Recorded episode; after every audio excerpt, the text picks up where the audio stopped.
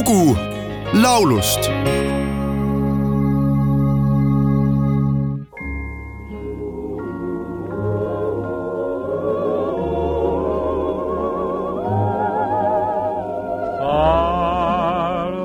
Places with strange sounding names, far away over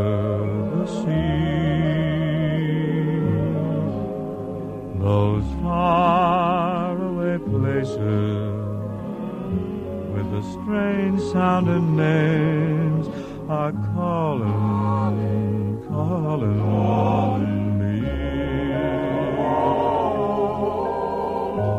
Going to China or maybe Siam.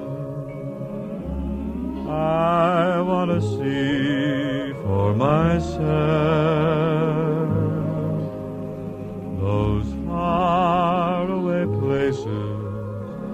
I've been reading about in a book that I took from the shelf.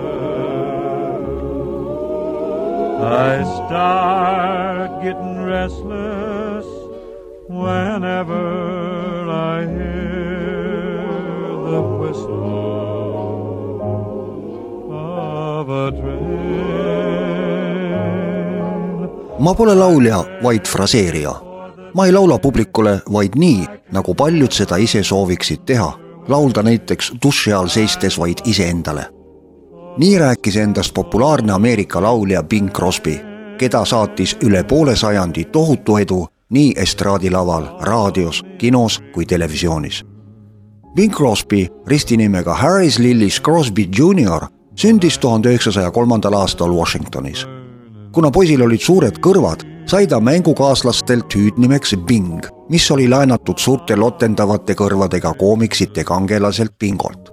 kuid peagi hakkas Bing Crosby laulmisega ajalugu tegema, muutudes üheks Ameerika estraadimuusika legendiks. ta on neljal korral pääsenud Grammy kuulsuste halli ja on üks kolmekümne kolmest maailma staarist, kes omab kolme tähte Hollywoodi kuulsuste alleel ühtekokku jõudis Bing Crosby salvestada üle tuhande kuuesaja erineva laulu. tuhande üheksasaja neljakümne seitsmendal aastal komponeerisid John Whitney ja Alex Kramer pala Far Away Places, mille esimesena salvestas Vic Damone. kuulsaks aga laulis selle järgmisel aastal Bing Crosby ja tema singel tõusis Billboardis teisele kohale. Eestikeelse kaveri on linti laulnud Uno Loop. laulu pealkiri on Kevad on käes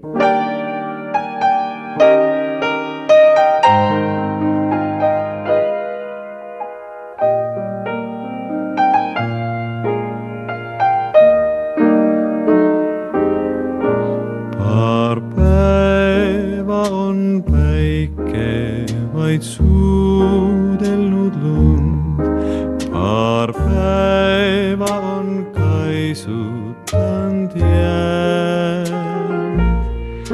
ning lilledel neil, mis nägid eile veel und, on mullast väljas peal.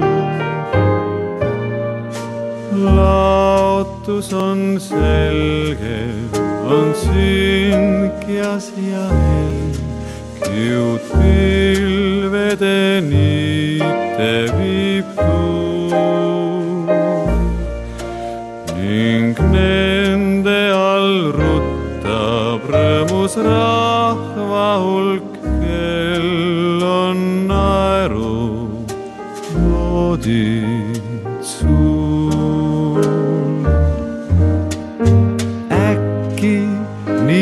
Äkki on leegu siin ta kõikjal ringi käib. Endasse haarab meid kevadlaviin nagu muusikat maailm on täis,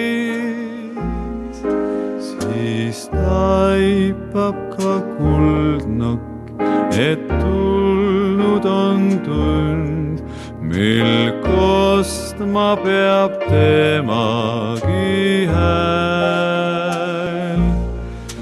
paar päeva on päike vaid suudelnud lund ja kevad ongi